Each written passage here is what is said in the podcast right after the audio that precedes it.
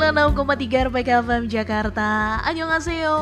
Selamat siang sahabat RPK di mana pun berada. Ketemu kali lagi kali ini sahabat RPK Tentunya dalam program Joy Show Yang nemenin sahabat RPK dari siang sampai sore Mulai dari jam 2 sampai jam 4 sore nanti Dengan informasi terbaru dari Korea Selatan. Dan kali ini Poppy nggak sendirian sahabat RPK Karena sudah ada teman-teman dari Drakor Class Yang bergabung dari Skype. Di siang hari ini ada Kak Lita dan juga Kak Deke. Annyeonghaseyo, apa kabar Kak? Annyeong. Kabar baik. Semangat siaran hari ini ya Kak? Semangat dong. Oke, ini karena ada Lisohyuk apa gimana nih? aku udah spill sedikit sahabat RPK Bener banget, di siang ini RPK FM di Joy Show bersama dengan Kalita dan juga KDK akan membahas tentang drama Korea yang baru saja selesai ya kak dramanya ya hmm, Dua pekan yang lalu Kak Dua pekan yang lalu Kalau sahabat RPK tahu atau mau tebak, boleh? Ada yang mau tebak? kita akan bahas tentang drama Tomorrow atau dalam bahasa Koreanya disebutnya Neil. Kita akan bahas dari awal nih ya. Tapi sebelumnya Kak Lita dan Kak Deke, kenapa tertarik untuk nonton drama ini drama fantasi ya bisa dibilang ya? Kenapa tuh Kak? Boleh dari Kak Deki terlebih dahulu silakan. Halo, Kopi. Yes. iya, uh, aku lumayan suka ya nonton drama fantasi gitu oh. ya. Apalagi kan cerita malaikat maut ini seru karena kan emang nggak ini ya nggak baru pertama ya Bener. sering kan ya drakor itu mengangkat uh, apa uh, malaikat maut. Yes. Nah, cuman karena mau nonton ya ini faktor Rowannya. Oh oke okay, oke okay. terowon Rowan ternyata. Oke. Okay. Uh, ya awalnya itu sih cuman uh, apa ya emang suka aja jadi tapi ya faktor-faktor kayak itu. tapi seru faktor seru. utama ya. Oke, okay. oke. Okay. Dan itu dari Kak Deke. Kalau dari Kak Lita, gimana nih pertama kali akhirnya memilih untuk nonton drama Tomorrow ini? Kenapa tuh Kak? Silakan. Yang jelas sih judulnya menarik ya. Oke. Okay. Besok gitu kan. Sementara kan kalau misalkan besok itu masih misteri ya, hmm. gitu. Terus dan ini kan fantasi. Aku termasuk penggemar genre fantasi gitu ah. gitu kan jadinya udah pasti biasanya ngintip dulu gitu. Terus okay. ternyata satu episode kok menarik gitu ya. Sudah terus lanjut kayak gitu sih. Terus untuk pemerannya karena sebelumnya kan Rowan bermain di Sagek ya ah, bersama mm -mm, kan bermain di Sagek. Terus uh, sebelumnya dia main di drama remaja. Jadi menurutku ada ada genre barulah buat hmm. Rawan bermain gitu. Jadinya ingin tahu aja gitu gimana perkembangan aktingnya dia. Terus abis itu untuk yang perempuan sih kalau Kim Hisun kan dia sebelumnya juga main termasuk dapat rating yang maksimal juga gitu. Ya. aku juga penasaran sama aktingnya juga. Waktu pas dia main 16 16 episode semuanya udah tayang. Jadi sahabat RPK kalau mau nonton gitu ya. Apalagi pencinta genre fantasi kayak KDK dan juga Kalita boleh ini dicoba. Jadi salah satu drama rekomendasi dari teman-teman drakor kelas tentunya. Nah, kita akan bahas dulu nih ya sebelum kita nonton drama Tomorrow ini, kita bahas dulu nih cerita plotnya itu gimana sih Kak tentang Tomorrow ini?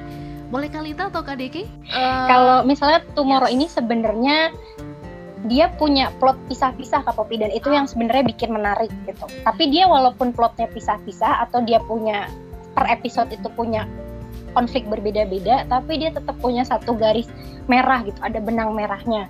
Okay. Dan ini yang sebenarnya menurutku fresh untuk drama Korea gitu ya. Biasanya hmm. kan kalau misalkan malaikat maut itu ya entah karena cinta lama belum selesai gitu kan ya. Kalau enggak ya istilahnya hanya kayak gitu batasannya. Nah cuma untuk Tomorrow ini menurutku dia fresh gitu. Karena dia punya itu tadi setiap episodenya dia tuh punya cerita yang menurutku penuh arti hidup. Ceritanya nggak cuma ber, berkal uh, ber apa ya ber ber hanya romance doang. Justru malah tidak ada romansnya sama nah, sekali. benar. Walaupun ada romansnya tapi tipis gitu. Ya pokoknya bener-bener Tomorrow ini mengajarkanku atau berpikir banyak tentang arti hidup. Itu sih Kak Popi. Jadi aku ngerasa cocoknya sama drakor ini tuh di situ. Oke dan tadi seperti yang sudah Kak Lita jelaskan itu adalah sedikit cerita atau sedikit menggambarkan drama Tomorrow ini sahabat RPK yang tadi memang bener. Di setiap episodenya itu punya cerita dan punya bisa dibilang kasus ya kak ya kasus yang Hmm, beda-beda masing-masing. nah itu dia kalau di bahasa Korea malaikat pencabut nyawa itu bilangnya apa ya kak aku chosung saja Pasang sajang. Oh, Josung Sajang. Nah, ini pokoknya kalau sahabat RPK udah pernah nonton drama seperti ini sebelumnya, ini tuh beh menarik lagi. Biasanya kan kita tahu nih ada nama-nama, ada listnya. Nah, ini juga diceritain nih, ada kantornya sahabat RPK. Itu juga perlu tahu dan ada juga banyak banget tim gitu ya, bukan hanya Josung Sajangnya ini, ada banyak tim, ada apa aja tuh kak? Boleh diinfoin ke Joy Cinggu dari KDK mungkin? Iya, kan ini tuh ceritanya uh, apa alam baka ya dibilangnya itu Iya. Jumandeng, kantor Jumandeng itu terus kepalanya adalah Kaisar Giok atau dipanggil direktur biasanya. Nah, uh, Rowan ini masuk ke dalam tim MR, manajemen Oh. resiko. Jadi yang um, ini apa? Yang mencegah orang untuk melakukan uh, bunuh diri gitu loh. Nah, itu divisinya salah satu selain selain malaikat pencabut nyawa ya. Terus ada juga tuh yang eh, yang unik itu divisi jadi IT juga. Jadi ada sentuhan bener-bener alam baka yang kenapa ini unik karena alam baka yang diceritakan di drama ini itu modern. Jadi kantornya eh, modern, ada IT. Jadi ketika orang mau meninggal itu kan ditunjukkan ya rekaman hidupnya. Nah, itu yang Yes. garap itu tim tim tim IT-nya itu. Terus juga malaikat-malaikatnya kan pakai jas gitu. Jadi nggak ada nggak seru gitu terus ngeliat alam bakanya tuh kayak mall ya kita ngeliat kantornya tuh kayak Iya, ya bener. gitu jadi uniknya di situ kak Yes, Oh, sangat jadi beda dari malaikat Beda. cerita. eh. kayak kesan kesan pertamanya tuh agak ini ya aku agak salah nangkep gitu kan Oh, kayaknya oke. kan awalnya tuh kan pusatnya di Rowan ini kan yang Hmm. dia akhirnya jadi malaikat maut itu kan aku nyangka ceritanya nanti cerita ya emang kalau diceritakan sih gimana Rowan bergabung dalam tim MR ini cuman ternyata tadi seperti kata Mbak Lita kan eh, apa terpisah-pisah jadi berat kak. Jadi eh, masalah-masalah hidup. Jadi kenapa sih orang itu bunuh diri kasus-kasus jadi isunya berat tapi eh, dikemas dengan cara menarik Yang ringan. ini heeh, jadi awalnya aku kira yang jadi leadnya kan Rowan jadi ceritanya tentang Rowan itu gimana kan enggak? Jadi eh, per ini tadi per episode cerita cerita Yes. per episode. Dan itu bagus menurutku dan emang beda ya daripada yang lain. Jadi meski ya meski kita bilang ah malaikat maut kan udah sering-sering tapi ternyata unik ini ya itulah eh, bagusnya sinias Korea. Jadi dia bisa kupas dari hal-hal yang kita nggak mikir sebelumnya gitu ya. Benar, bahkan kasus-kasusnya itu bisa dibilang semoga menjadi sebuah Jadi pembahasannya juga. Kak Popi tuh Yes. yang bikin seru ya ceritanya itu ada ada isu politiknya diangkat, benar. isu bullying yang diangkat. Itu apa hubungannya itu dengan malaikat maut? Jadi Cinggu lebih baik nonton aja sendiri biar dapet feel-nya gitu. Yes. Gitu ya. Itu sebenarnya udah jadi salah satu alasan kenapa sahabat RPK harus nonton drama Tomorrow ini. Ini udah tayang semua 16 episode sahabat RPK boleh mulai binge watching juga di rumah. Kita lanjut membahas tentang drama Korea Selatan yang ternyata banyak bikin orang gagal move on nih karena kisah antara Goryeon yang diperankan oleh Kim Hee Sun dan juga Lee So Hyuk. Di sini aku lupa, lupa-lupa inget nama Lee So Hyuk di sini tuh jadinya apa ya kak? Park Jung Gil. Oh Park Chung Gil, nih Nida. Kalau udah ngeliat mukanya, apalagi dengar suaranya tuh kayak langsung mm, buyar yang ada di pikiran ya. Dan kali ini Aku daftar deh jadi malaikat maut berikutnya. Oh salah ya. ya jalan aja kayak model iya benar. Aduh. Ikut di belakangnya aja udah seneng ya ngeliat pose belakangnya ah. aja udah keren gitu kan. Nggak apa-apa jadi dayang-dayangnya gitu ya. Kayaknya. Rela. uh-uh. Wah luar biasa emang Kalita dan KDK. Nah kalau boleh tahu nih kak dari kita mulai dari kisah-kisah si para malaikat maut ini. Kalau boleh diceritain tadi di sini juga yang jadi menarik perhatian adalah kembali Rowoon salah satu idol di Korea Selatan main drama kembali. Nah di sini Rowoon itu tadi sudah diinformasikan oleh Kak DK ya adalah seorang pemuda yang memang kalau dilihat dari trailernya kelihatan banget tuh lagi sibuk mencari pekerjaan gitu ya lagi frustrate banget dan hampir di tengah-tengah apa bilangnya kayak ya? Putus asa gitu ya. Hampir putus asa. Dan akhirnya ketemu sama Goryeon dan juga Yoon Ji On di sini. Menjadi Lim Ryong U. Lim Lim Rong Ryong U ya? Benar ya kayak Ryunggu Ryunggu Ryunggu oke. Dan kalau boleh dikasih tahu tuh kak ke sahabat RPK dari malaikat maut ini hubungannya sama mencabut nyawa gitu kan. Mohon maaf kalau men-trigger sahabat RPK nah kalau ini timnya tuh beda. Uh, kalau misalkan apa alam baka kan penggambaran orang normal itu serem gitu ya. Cuma kalau di Tomorrow ini mereka tuh punya perusahaan tadi juga disebutin juga namanya Jumadeng. Nah dalam Jumadeng ini kayak menceritakan kondisi normal perusahaan pada umumnya. Jadi ada beberapa divisi gitu.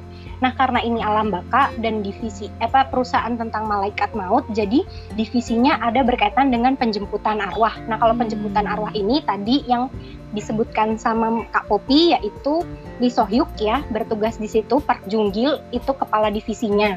Sementara untuk MR tim manajemen resiko itu ada Choi Junwoong, Orion sama Ryunggu. Itu Rowan di situ dan dia adalah divisi kenapa sih orang itu frustasi dan akhirnya memutuskan bunuh diri. Nah, hmm. manajemen resiko adalah mencegah hal itu untuk terjadi.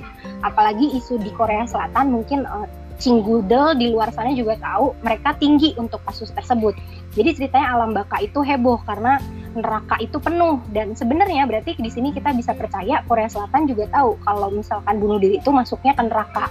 Jadi ceritanya penguasa neraka si Hades itu uh, protes gitu ke direktur atau perigiok yang tadi udah disampaikan juga Mbak Dike, woi neraka tuh penuh, gue bingung lagi nih naro hmm. naro roh-roh yang bunuh diri ini di mana akhirnya memutuskanlah tim manajemen resiko yang ada Rowan di dalamnya untuk membatasi, istilahnya menyadarkan lagi bahwa hidup itu uh, berharga gitu loh, yes. dan kita butuh memperjuangkan hidup uh, dan nyawamu tuh nggak hanya cuma segitu doang gitu loh, dan kamu berhak untuk bunuh diri. Kayak gitu sih Kak Pupi. Itu yang membuatku akhirnya bertahan untuk menontonnya. Kenapa dibilang tadi sempat dibocorin per episode itu pisah-pisah yaitu karena adalah kasusnya kan orang bunuh diri alasannya lain-lain. Yes. Nah, itulah kenapa episodenya itu penyelesaiannya lain-lain. Walaupun ada garis benang merahnya yaitu ada kisah dari empat empat uh, penjem, eh, penjemput nyawa. Ya benar sih mereka menjemput nyawa ya. Iya, kan malaikat maut kan. Hmm. Ya. Jadi empat malaikat maut yaitu si Wong dengan kisahnya atau kasusnya dia frustasi dan nggak belum kerja kerja gitu di usia dia matang yang harusnya sudah bekerja tapi masih mencari pekerjaan gitu kan itu satu kasus yang pertama yang kedua ada Koryon dan dan Park Jung Gil ya. yang katanya katanya nih masa lalunya itu mereka adalah suami istri dan belum kelar gitu loh ceritanya nah kisahnya hmm. itu Nah, untuk si Ryunggunya sendiri ini juga mengenaskan ya, maksudnya uh, dia akhirnya uh, menjadi malaikat maut karena dia merasa bersalah atas kematian ibunya yang bunuh diri oh. uh, karena disalahin sama dirinya yang mengatakan bahwa uh, ya ibunya mohon maaf sekali lagi uh, mantan mantan perempuan penghibur gitu kan, terus karena dia hamil Ryunggu, nah akhirnya dia sejak tahu ibunya itu dulunya perempuan penghibur dia merasa tidak nyaman untuk menjadi anaknya gitulah dan akhirnya ibunya ya mungkin tersinggung dengan omongan tersebut jadi ibunya bunuh diri dan ibunya akhirnya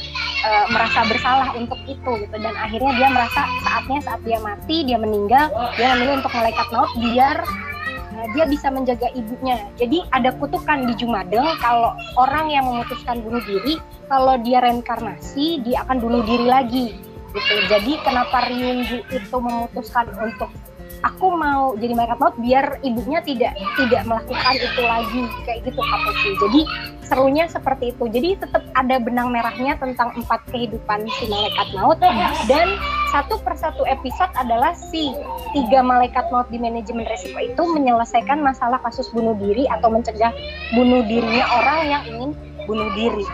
Ribet tapi simpel banget diceritakan begitu manis. Bener banget. Terima kasih banyak Kak Lita. Itu penjelasannya udah seperti writer name ya sebenarnya. Lengkap banget sahabat RPK itu adalah gambaran dari drama Korea Tomorrow ini yang memang keren banget nggak habis-habis. Gimana juga mengubah pola pikir gitu ya. Dengan jalan yang smooth gitu like butter.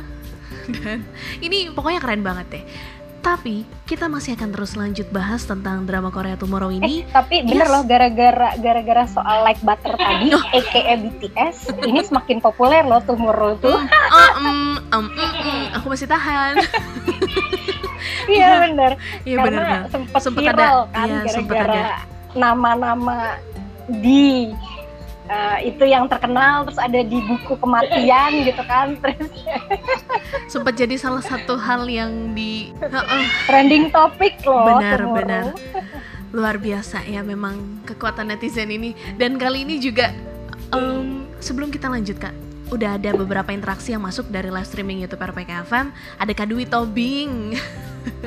Annyeonghaseyo Kak Popi, Deke dan juga Kak Lita Katanya baru nonton episode satunya nih Belum maju lagi, sok sibuk hashtag Tapi aku suka gaya Rowon di sini Love love, oke Sukanya berondong Kak Dwi, oke? Dan juga ada Kak Risna Saragi Katanya aku belum nonton episode terakhir Tapi ini pesannya tuh dalam banget. Lihat tiga episode terakhir berasa banget dilema hidup ibu. Terima kasih banyak Kak Risna. Dan juga kali ini kita akan bikin sahabat RPK makin penasaran nih kak. Kalau dari kak, Kalita tadi udah cerita lumayan banyak, udah cerita lengkap banget. Dari kak DK ini.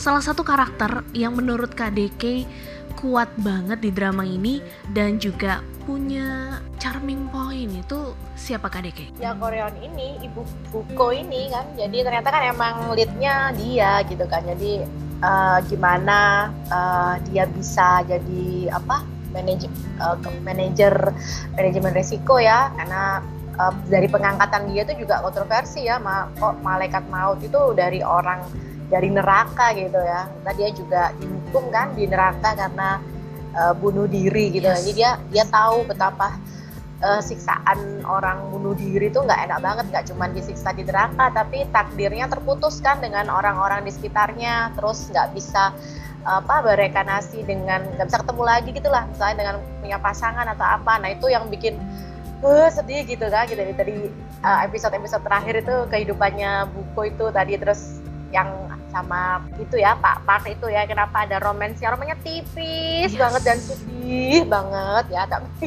tapi Bener. di episode-episode ending itu masing-masing tokoh itu seperti sudah menyelesaikan misinya kan emang ending itu menyelesaikan misinya menyelesaikan perasaannya udah udah lega gitu ya udah nggak ada yang ganjel gitu terus udah ya udah terima lah udah terima takdir gitu tapi beneran ini dalam banget ya Kak Wopi eh, pesan-pesannya itu betapa benar kata Kak Lita tadi ya ini tuh relate banget kan sama kehidupan di Korea Selatan ya di mana angka bunuh diri juga tinggi gitu kan ya. Jadi tuh mau dipesan gitu ternyata bunuh diri tuh nggak menyelesaikan masalah gitu. Betapa kamu nanti dapat penyesalan gitu ya. Tadi di juga disiksa di neraka dan tadi nggak bisa rekarnasi nggak terputusnya benang takdir ya udah gitu. Jadi itu untuk mengingatkan orang gitu. Jadi seberat seberat apa pun hidup itu masih lebih enak dijalani gitu ya daripada harus menjalani kehidupan penuh siksaan di alam baka asli berat banget tapi karena visualnya ya menarik ya nggak cuma cuman pemainnya aja tapi Yes. latar settingnya tadi kan Benar. alam baka itu nggak menyeramkan mana malaikat mautnya charming charming gitu ya Charming pointnya di situ ya Kak Deke ya. Oke. Nah, yang jadi uniknya lagi tuh Yes. kita di drama ini hmm, kayak mengangkat juga sih beberapa kisah sutradaranya keren ya dia, dia harus mengarahkan cerita yang berat ini jadi ringan untuk dinikmati meski tadi bener tuh masalah-masalah dari yang para malaikat mautnya Oke. Kita- Di situ baru ketahuan cer- latar belakang cerita para malaikat mautnya ya. nah, Oke. di end. dan yang bikin menarik juga apa ya hmm, kayak gini loh eh, pesan hidup yang paling membuatku nyantel itu adalah apa pun yang kamu lakukan di dunia itu akan terbayar di akhirat. Oh, kalau kamu jadi penjahat ya kamu akan akan mencerminkan. Jadi saat kamu mati semua jadi kan tadi udah disebutkan sama Kak Dike ya. Jadi ada tim untuk khusus membuatkan kayak perjalanan hidup seseorang gitu, dari lahir sampai dia meninggal. Oke. itu ada tim IT namanya. Nah, kalau misalnya kamu jahat ya kalau kamu masuk neraka kalau misalnya kita berbohong nggak mungkin. Karena udah dibuatin itu videonya khusus untuk kita gitu kan. Jadi beneran apa yang kamu tabur itu yang akan kamu tuai. Yes. itu yang bener-bener menurutku nancep di hatiku untuk nonton film ini gitu. Jadi kenapa sih Rowan ini akhirnya sering beruntung gitu? Walaupun dia hitungannya nggak dapat dapat kerja tapi menurutku dia beruntung gitu. Dalam segi keluarga dia disayang sama ibunya adiknya juga begitu menyayangi dia gitu kan. Beruntung kenapa? Ternyata dulu di masa lalunya dia dia pernah menjadi salah satu uh, pahlawan kemerdekaan tanpa disadari. Oh iya. hal-hal seperti itu yang terkadang mungkin keberuntungan yang kita dapetin adalah ya perbuatan kita yang di masa lalu entah kita lupakan gitu. Kan kalau kita berbuat baik sama orang kan harusnya kita lupakan tidak perlu diungkit nah itu Yes. yang akhirnya yang akan membawa kita hal baik juga. Jadi kebaikan itu akan berbalik baik buat kita. Itu sih yang beneran menancep banget gitu. Bener. pesan hidupnya beneran relate banget. Gak dalam ada ya Papi dalam, dalam banget, parah. drama ini. Yes. Itu oke banget sahabat terbaik aku nggak. Balik yang biasa baca webtoon. Oh, aku iya? nggak aku dramanya Oke. Kalau Kalita gimana? Sempet lihat juga ya webtoonnya? di di Never ada sih tapi aku belum belum lengkap bacanya karena aku taunya drakor duluan biasanya Oh, kayak yang sekarang drakor ada juga yang tayang itu juga berdasarkan webtoon tapi aku duluan baca webtoonnya biasanya sih memang aku suka membanding-bandingkan Hmm. cuma karena ini aku taunya drakornya duluan jadi aku tidak maksudnya ya sudahlah maksudnya jangan sampai ekspektasiku turun terhadap drakornya gitu Oke. aku kayak gitu biasanya gitu karena aku memang tipikal yang apa ya mencintai novel dan berusaha mencintai karya audiovisualnya gitu. jadi mencintai webtoonnya sekaligus audiovisualnya walaupun memang terkadang biasanya kan tidak maksudnya ya kalau namanya karya audiovisual ada yang dilebihkan, ada yang dikurangi, ada yang dramatisir gitu kan. Sementara dengan di webtoon kan bisa lebih jelas Iya. gitu karena berlembar-lembar gitu. Nah, itu yang menurutku lebih baik kalau misalnya memang aku tahu audiovisualnya, karya audiovisualnya biasanya walaupun misalkan aku baca tapi tidak selengkap itu. Tapi kalau duluan baca webtoonnya baru ada karya audiovisualnya biasanya nanti akan kubandingkan. Tapi kalau ini Ah. tidak mau kubandingkan.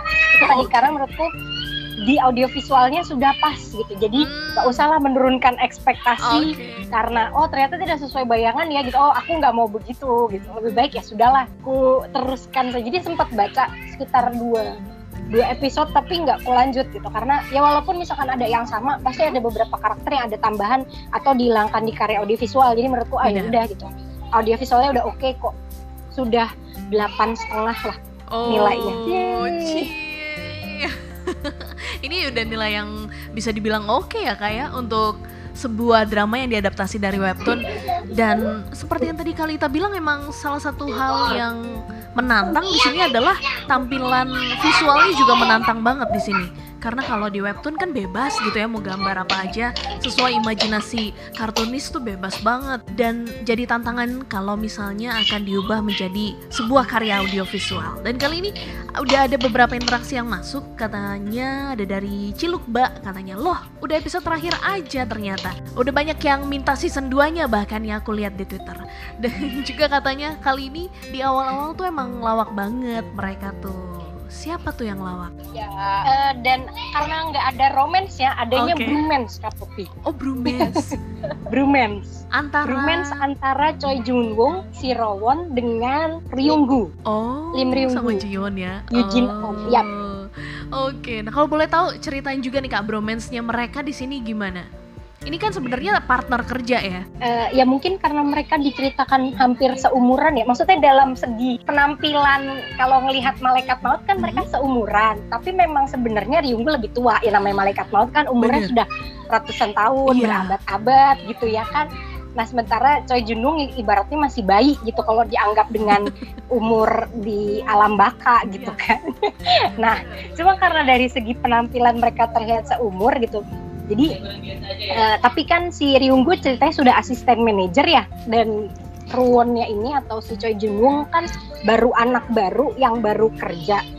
Ya wajar gitu. Terkadang eh, melakukan banyak kesalahan segala macem. Ya sementara Ryunggu ini karakternya digambarkan taat banget dengan peraturan. Kerjanya cuma 6 jam.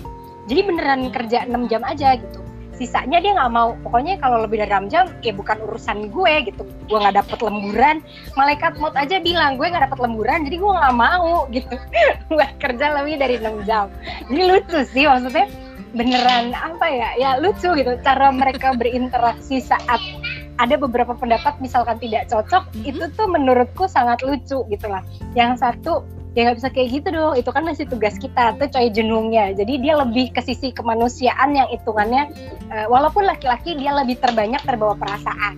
Tapi sementara si Ryunggunya ini logika banget gitu. Ya. laki-laki abis gitu lah. Laki yang berpikiran ya jadi yang berpikiran ya kalau nggak ada untung rugi buat aku buat hmm. apa gitu kan nggak nggak penting lah maksudnya segi-segi kemanusiaan. Jadi bener-bener kerja itu ya ya udah gitu dihitung sama dia kalau misalkan. Nah ternyata hitung hitung menghitung dia ini terjawab sudah di episode Kim Hee-sun di sini perannya sebagai Goryeon dia tuh di sini tampilannya berubah drastis dari aku belum pernah sebenarnya jujur ling lihat dia ganti warna rambut tapi di sini oke okay banget keren banget dan juga selain itu ada beberapa hal yang perlu sahabat RPK ketahui dan juga ini bisa jadi dibilang daya tarik dari drama Tomorrow ini adalah adanya kisah beberapa cameo idol juga. Udah ada Rawan padahal udah idol ya.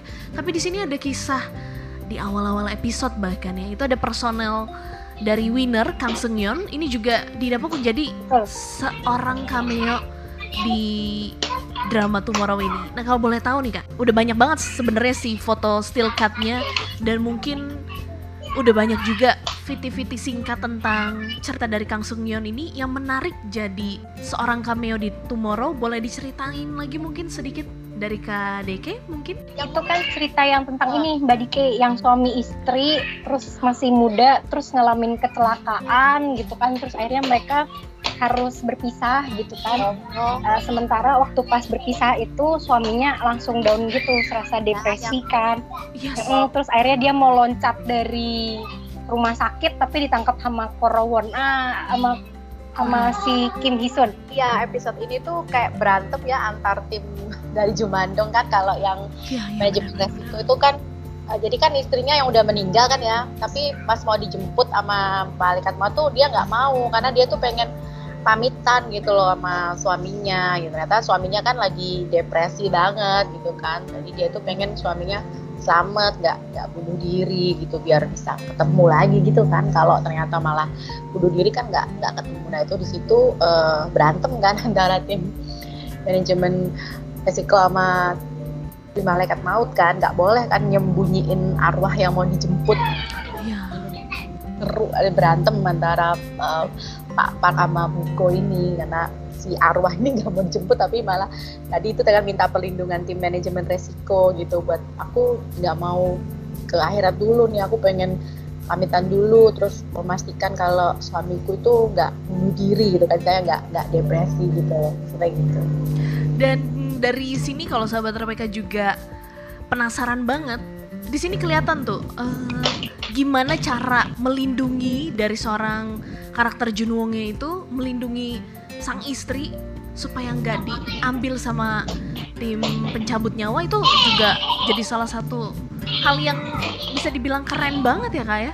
Ya, Rowan Rowan bergerak udah keren sih kak Popi, ya itu. salah kalau nanyanya ya penggemar mah salah. salah. Dia bergerak aja udah udah ya, keren buat kita mah. Iya, kan karakternya si Rowan di sini tuh kan dia yang baper tadi ya kata-kata tadi dia tuh bener-bener ini ya empatinya tinggi setiap yes. kasus dia tuh bener ya tadi yang kayak bener-bener nulungin atau pas ada kasus-kasus lain itu. Dia tuh pengennya all out meskipun itu kadang melanggar kan melanggar peraturan perusahaan gitu ya. Karena Rowan juga ini kan tim MR itu malah sering dapat masalah gitu kan ya. Udah udah oh ini udah nggak disukai nama malaikat maut yang lain karena asal usulnya nah, terus dia juga uh, karena nurutin rower ini kan kadang-kadang dia juga menggunakan kekuatan yang itu nggak boleh gitu kan ya. Uh, jadi banyak banyak masalah lah banyak dihukum. Sebenarnya ini yang benar-benar melakukan kerjaannya semaksimal mungkin kan tadi jangan sampai ada orang gimana pun caranya gitu. Meskipun pakai kekuatan yang melanggar kayak ada mobil di mobilnya ke masa lalu gitu ya atau hal-hal lainnya kan yang sampai membuat buku itu ini ya melakukan kejadian mereka sama Pak Pak ini demi melindungi warga itu dan jadi benar-benar ya gitu mereka tuh all out sebenarnya meskipun kalau tim lain ngelihat itu ah, salah aja yeah. sering ngelanggar peraturan hmm. tim nggak jelas ini mana pemimpinnya jadi itu dia pokoknya paling gak disukai nah yang benar-benar kalau di kedokteran tim manajemen resiko itu ibaratnya uh, inilah apa ya di UGD-nya gitu loh. Oh. Apa pun yang terjadi menyelamatkan nyawa itu lebih penting duluan gitu. Nanti kan dialah yang bertanggung jawab untuk uh, apa ya melakukan tindakan pertama kecelakaan hmm. kayak gitulah ibaratnya demikian. Jadi ya banyak ruginya dibanding untungnya sebenarnya. Itulah tugas manajemen resiko gitu kan. Yes. Si manajemen resiko ya. melekat maut ya. Oke. Okay. Dan Kak Lita dan Kak DK sebenarnya masih ada beberapa hal yang juga mau aku tanyain juga tapi karena waktu kita sudah hampir di penghujung kali ini aku mau tahu nih aku kan juga belum nonton nih mungkin ada Joy Cunggu juga yang belum nonton endingnya seperti apa kalau dari Kak Lita dan Kak Deke kesan ending dari drama Tomorrow ini gimana menurut masing-masing dari Kak Deke terlebih dahulu boleh silakan ya endingnya udah kita udah happy semuanya happy dalam artian uh, Rowan okay. akhirnya mendapatkan janjinya ya ketika dia jadi malaikat maut nanti dia bisa bangun dalam enam bulan terus dia bisa milih deh kerjaan apa aja meskipun oh, iya. itu nggak nggak akan lebih lanjut ya pokoknya okay. si Rowan bangun gitu ya setelah enam bulan terus uh, masalah Pak Lim itu udah selesai kan dia udah akhirnya dia bisa mencegah ibunya bunuh diri lagi kan di kehidupan selanjutnya gitu ya. Terus antara yang sedih emang ya buku sama Pak Prak ini sedih tapi ternyata mereka udah berhasil nih menyelesaikan masalahnya. Terlepas oh. dari hubungan masa lalu mereka mereka udah bisa menerima takdir. Jadi meskipun sedih tapi happy gitu. Oke, okay, meskipun sedih tapi happy. Jadi aku perlu nyiapin apa nih kak? Nyiapin tisu kak? Happy ending kak, happy ending, happy, happy ending. Gitu. Oke. Okay. Kalita itu udah dulu juga ya happy ya, happy set ending, set happy ya. Jadi sedihnya tuh bukan gimana tapi kayak mengharapkan gitu kan itu berhasil memang nggak bisa itu bikin happy gitu ya oh. lagi misalnya nggak ada kelanjutan lah antara romansnya emang nggak ada romans dikasih tipis banget emang bukan drama romans ya jadi nggak Gak usah berharap. Iya bener. Oke. Okay. Dan ini drama yang istilahnya bisa ditonton buat laki-laki maupun perempuan. Kadang kan oh. drakor itu identik banget sama perempuan ya. Tapi enggak untuk tomorrow itu laki-laki bisa banget karena untuk depression ini tidak hanya melanda khusus untuk kaum-kaum wanita aja gitu. bener. gitu karena depresi ini ya bisa laki-laki juga bisa. Kenapa?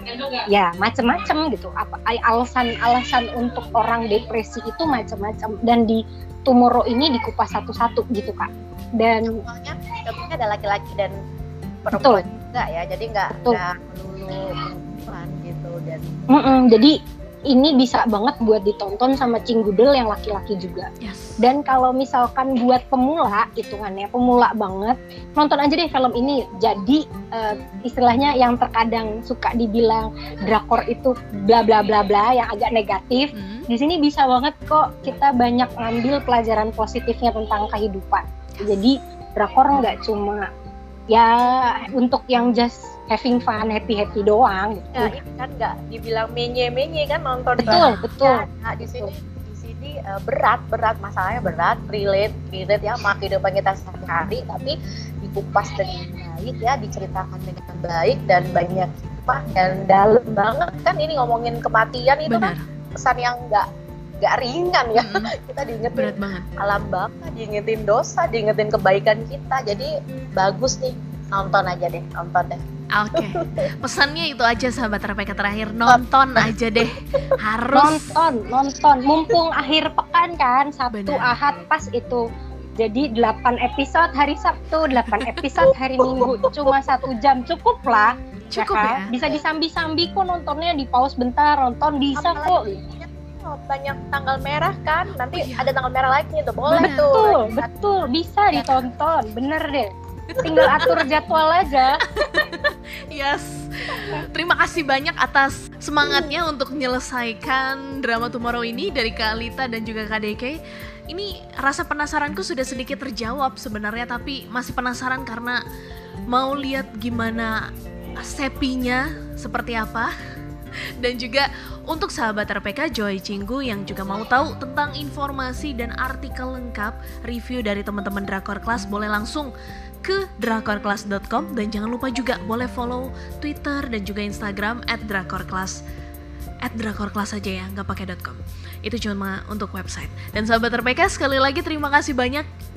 Tomorrow menjadi salah satu drama yang direkomendasikan oleh kakak-kakak dari Drakor Class. Sekali lagi terima kasih banyak Kalita dan juga KDK. Makasih Ditunggu review-review selanjutnya. Sehat-sehat selalu dan sampai jumpa di siaran selanjutnya. Dan Annyeonghaseyo, Kalita, KDK. Annyeong.